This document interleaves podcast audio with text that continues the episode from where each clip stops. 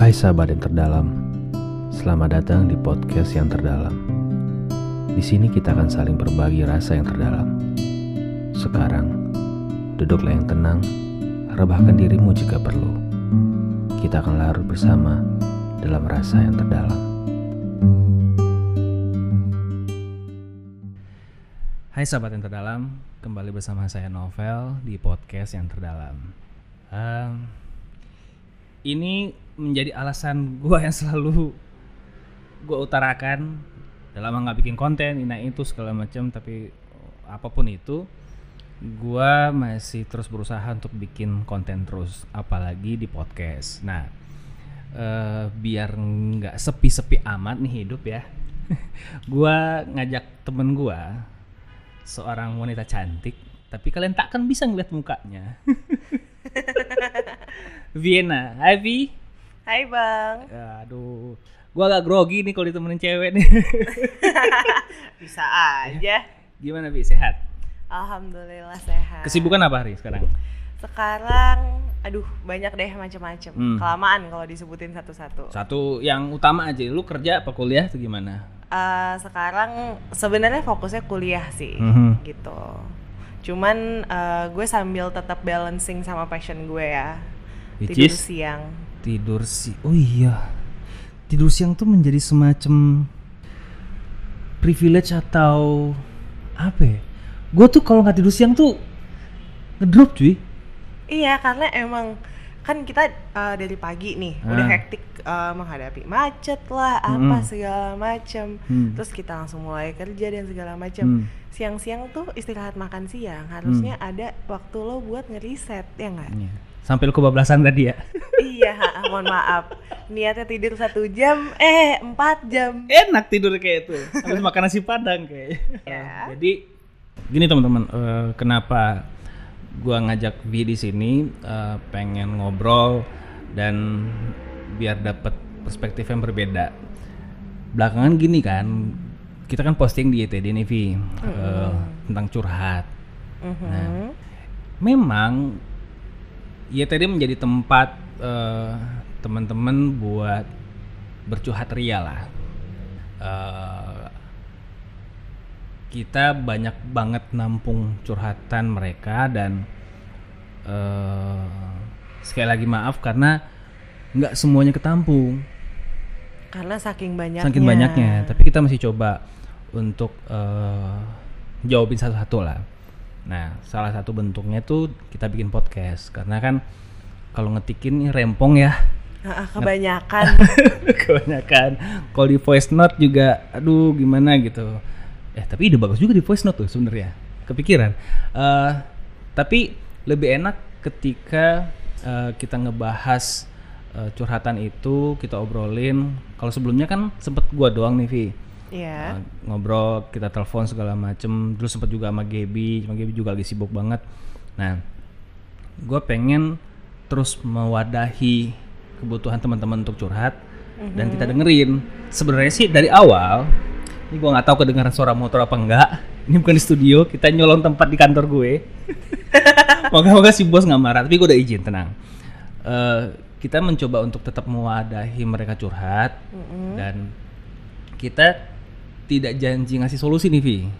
Iya, kita kan sebagai pendengar. Kita sebagai pendengar dan gua dari awal tuh selalu bilang eh gua ngasih pendapat gue, Iya. pandangan gue seperti apa. Iya. Moga-moga itu bagus dan bisa jadi solusi. Mm-mm. Kalau enggak juga nggak apa-apa. Jadi Gitu. kita lebih uh, sebagai pendengar sama kita Hmm. ngasih point of view kita. Iya. Kan semua orang beda nih Mm-mm. pengalaman hidupnya Mm-mm. gitu.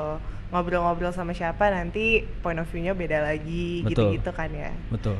Nah, kemarin tuh gue penasaran, Vi. Maksudnya orang tuh curhat eh, ke, ke siapa, Mm-mm. tentang apa, dan salah satu respon dari konten kita misalnya nih, alasan lu kenapa males curhat dengan orang dikenal tuh rempong, bahkan ngejudge.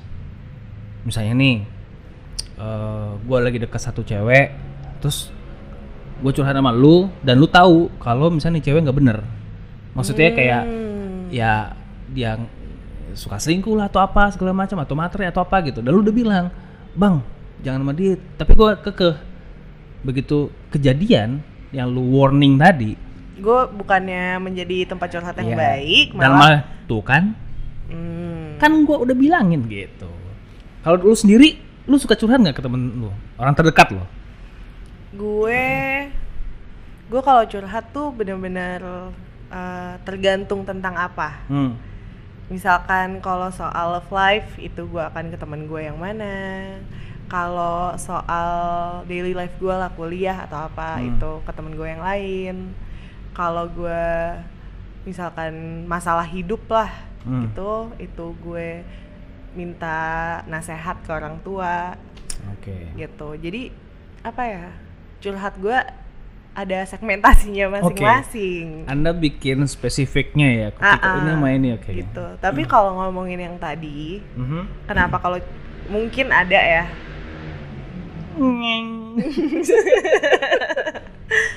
Kalau ngomongin yang tadi mungkin Hmm. ada beberapa orang yang nggak nyaman buat curhat sama orang terdekat.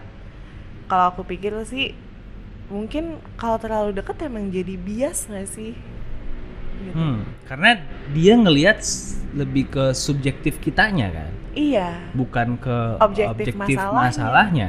Setuju. Tapi lu, hmm, gue nih sambil mikir ya, Mhm.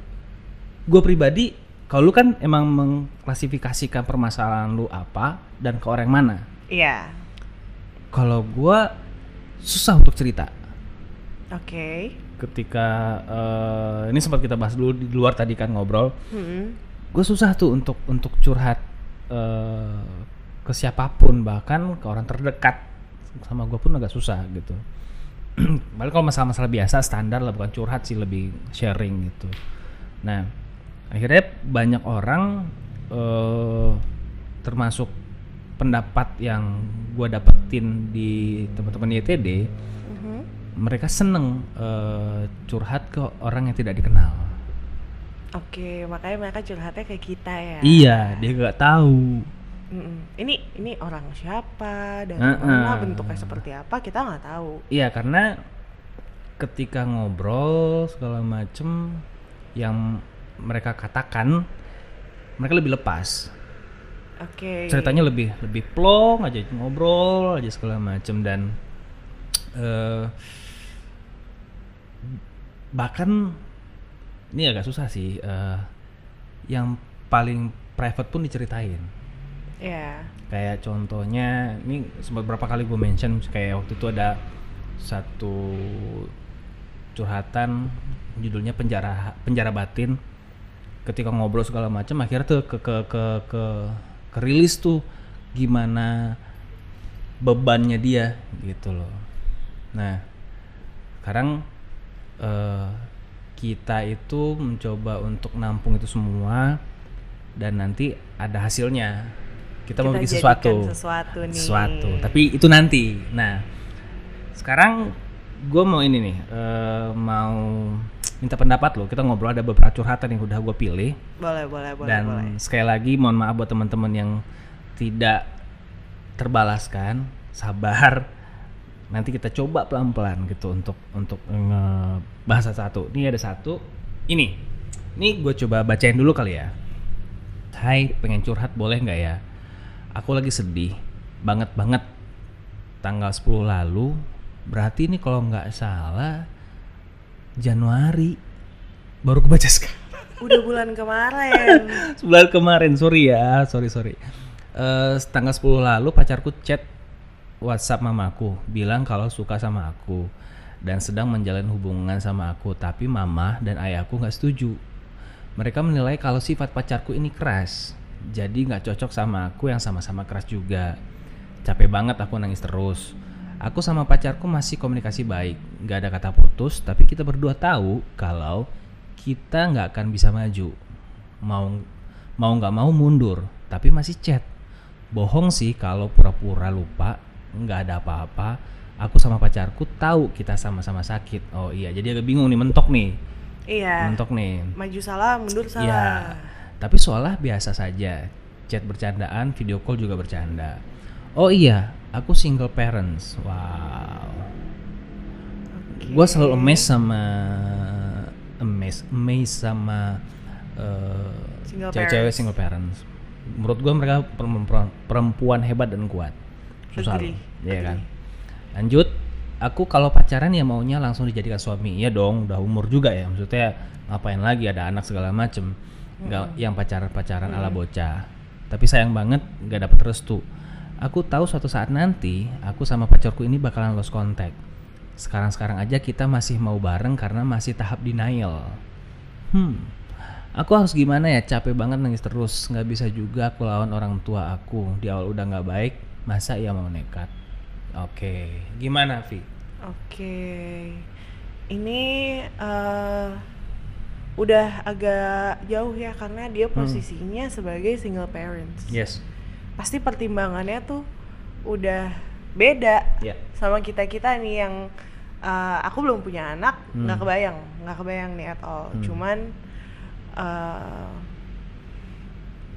aku ngerti banget, Hmm. aku ngerti banget berada di posisi yang nggak direstuin, Hmm. di posisi yang serba salah. Hmm. Pernah Dan- di posisi itu nggak direstuin? Kebetulan pernah. Senyumnya gitu banget. Pahit. Oke. terus terus. Ya, cuman eh, ngerti banget gitu. Mhm. Dan yang namanya sedih, nangis Iya. ya wajar kan Iya. gitu. Tapi sedih terus sampai capek juga ya ngapain juga. Mhm. Kalau menurut aku sih you know what? Life tuh banyak surprisesnya. Hidup Oke. tuh banyak kejutannya. Mhm. gitu. It's okay to be sad. Kalau emang butuh nangis ya silahkan nangis. Ya setuju. Kalau capek istirahat. Nah, tapi dia gimana nih? Kalau gue sih ngeresponnya adalah gini. ini kan mm, berdasarkan eh, ceritanya si X ini, cowoknya nge WA ngobrol minta restu segala macem Mm-mm. dan eh, sudah diasumsikan bahwa cowoknya keras juga sama kayak anak beliau ini si X Iya. ini. Kalau gue bilang justru harus duduk bareng. At least gini loh, eh, ketemuan dulu deh gitu. Ngobrol dulu lah Iya, semuanya. mungkin mungkin udah pernah ketemuan mungkin ya sebelumnya. Tapi asumsi gue adalah lebih intens saja. Tunjukin kalau eh, cowok lu ini emang sayang ke lu, ke anak lu yang lebih utama lagi, respect ke orang tua. Kadang kan eh, orang cuma bisa ngeliat kita Dari satu apa yang sisi iya, doang. apa yang udah kelihatan doang maksudnya belum kenal dengan baik gitu Mm-mm. ini gini loh ini eh, hampir mirip tapi nggak kayak gini ya maksudnya pas gua dulu sama bokin gua ada sedikit anggapan bahwa eh, gua kurang bisa diandalkan. Oke. karena secara appearance gua eh, urakan segala macem kerjaan nggak jelas segala macem. tapi gue bersikukuh nih gue pengen nunjukin kalau gue bisa bertanggung jawab gitu loh. Hmm, gue bukannya ya urakan yang nggak jelas mau gimana gitu loh. Gue tahu mau ke mana cuman emang jalannya nggak nggak nggak nggak nggak santai jalannya tuh nggak mulus gue harus Iya. naik gunung turun apa kayak ninja hatori nih jadi gitu. tapi berjalan waktu orang tua cewek gue ngeliat kalau oh iya nih ini anak serius sama anak gue gitu walaupun impact pacarannya lama ya bo Mm-mm. hampir 8 tahun Cin Oh wow, aku aja belum pernah tuh. kalah deh kredit mobil kayak cuma lima tahun ya kan tapi ya in the end of the day gue nunjukin effort gue gue nunjukin kalau gue respect ke orang tua cewek gue ini eh, seperti gue respect ke orang tua gue segala macem gue kerja ini itu segala macem akhirnya ya direstukan gitu loh. Maksudnya mulus. Nah gue bilangnya ke dia ya lu lebih intens lagi ketemu sama orang tuanya gitu loh. Coba lah supaya lebih dekat dulu iya ya. gitu. Maksudnya jangan patah arang dulu. Misalnya kan lu kan bilang nih kalau lu sebenarnya cari suami bukan pacar-pacaran ala-ala bocah Mm-mm. ya tunjukin Bahwa si pacar lo ini emang Serius. bisa menjadi suami yang baik gitu. betul setuju gue Gitu ya. Jadi sebenarnya dia punya option Betul. untuk terus jalan Hmm. ya udah jalanin Hmm. aja dulu kalau Hmm. emang lo yakin nih sama pacar lo ini Hmm. gimana caranya lo tunjukin kebaikan yang lo lihat di dia Ya. bisa dilihat sama orang tua lo gitu gak sih Betul. Karena gini juga sih, ini perspektif gue sebagai pria ya. Pria. pria. Emang banyak sih eh, cowok-cowok yang secara penampilan keras. Tapi ketika mereka ketemu dengan perempuan yang di hatinya, itu luluh loh. langsung beda ya? Oh beda. Contoh, ini kita juga sempat bahas eh, di luar tadi kan. Mm-mm. Bokap gue tuh keras banget, keras banget Vi. Ke anak-anaknya keras. Keras banget. Di luar juga dibilang tegas apa segala macem. Bahkan keras lah. Tapi emang nyokap nurut sih bucin. Bucin. Berarti emang apa ya cowok-cowok yang keras itu eh, memposisikan istrinya tuh udah kayak pawangnya kali betul ya betul jadi jadi sampai-sampai tuh kalau seandainya nyokap gue lagi keluar nih pergi ke mana saya janjinya pulang di esok harinya misalnya ke rumah anak yang lain gitu kan ke rumah abang gue yang lain Hmm? besok pulang jam perkiraan jam 10 nyampe rumah Oke. Dari jam 9 bokap gue itu udah muter kursinya ngadep ke pintu. Oh nungguin. Nungguin. Ya ampun Segitunya. sweet banget. Terus air putih udah udah disiapin segala macem Oh. gitu loh. Ketika dateng langsung disambut, dicium segala macem, barang bawanya dibawain, kasih minum gitu. Segitu bucinnya. Padahal bokap tuh di luar tuh Udah keras banget. seker kalau kata anak-anak anak seker. Menyeramkan gitu loh. Maksudnya segitu kerasnya dia gitu.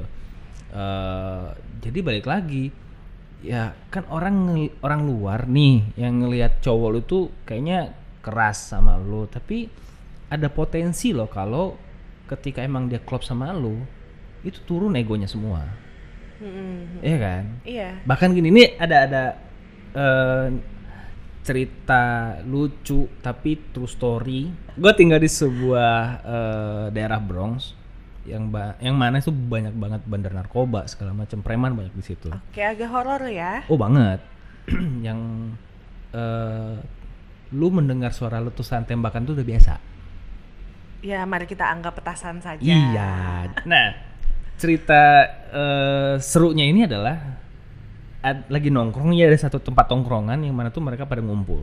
Mhm. Lagi ya yang kebandelannya mereka lah. Oke. Lagi nongkrong terus tiba-tiba di seberang jalan atau agak jauh dikit tuh ada cewek eh manggil abangnya. Maksudnya lakinya. Oh. dia tepokin tuk tuk tuk tuk abang gitu ya. Ih, dia, nengok dia nengok tuh. Iya dek gitu kan. Pulang. Pulang cuy. Langsung ya. langsung. Padahal itu apa sih jagoan di situ lah. Tapi benar-benar begitu ceweknya sama bininya nunduk. Tapi bukan berarti takut ya. Segitu sayangnya. Iya. di luar balik lagi. Di lingkungan tuh dikenal nih orang Paling keras. beringas Oke. sama bininya enggak Begitu sama bininya langsung lulu. iya kayak lu bilang ketemu pawangnya Iya. emang emang cinta bisa merubah segalanya. Betul. Jadi Tapi- jadi eh, menurut gue ya ketemuin aja, tetap dibikin intens ngobrolnya segala macem, tunjukin dan jangan fake juga apa Iya. adanya. gitu. Bener-bener jujur tapi Hmm, jangan cuma tunjukin satu sisi doang gitu betul. kan. Tapi actually ada satu poin yang tuh? aku kepikiran nih. Hmm, Kan tadi dibilang gitu. Ini cowok keras. hmm, Dan eh, ex ini sebagai single parent dikenal orang tua juga keras. hmm. Kalau menurut aku malah nggak masalah dong. Kenapa? Oke mungkin mungkin ya berpotensi jadi masalah karena sama-sama keras. Hmm. Tapi kan itu satu kesamaan. Bisa jadi malah yang mempersatukan mereka yang kayak bisa saling ngertiin nih karena sama-sama keras. Gitu. Jadi yang Hmm. yang satu lagi keras nih, yang satu oh gue bisa relate nih, gue nangkep nih. Ya udah yang satunya. Oh dia paham kenapa dia keras. Iya. Oh. Jadi bisa saling ngertiin. Ya ya Tuh. ya ya. ya. Itu bisa juga loh. Bisa bisa. Jadi intinya kayak gitu, coba terus jangan nyerah karena yang penting kan niat kalian nih baik ya, eh, pengen berumah tangga, nggak yang main-main ya sok dilanjutin nggak apa-apa jangan nyerah dulu. Mm-mm. yang penting ditunjukin kalau emang bener-bener tulus dan bener-bener sayang ke lu sama anak lu dan orang tua lu juga gitu. Jadi tetap lanjut. Kayak yang tadi gue bilang kalau capek itu istirahat, Istirahat. tapi jangan berhenti. Duduk dulu tarik nafas setelah lega jalan lagi ya ya Sekian podcast yang terdalam kali ini dan buat kalian yang ingin ikutan curhat bisa langsung email aja ke podcast yang terdalam at gmail.com dan jangan lupa untuk follow terus akun Instagram kami di @yang.terdalam. Terima kasih sudah mendengarkan dan doa terbaik untuk kalian semua. Sampai jumpa.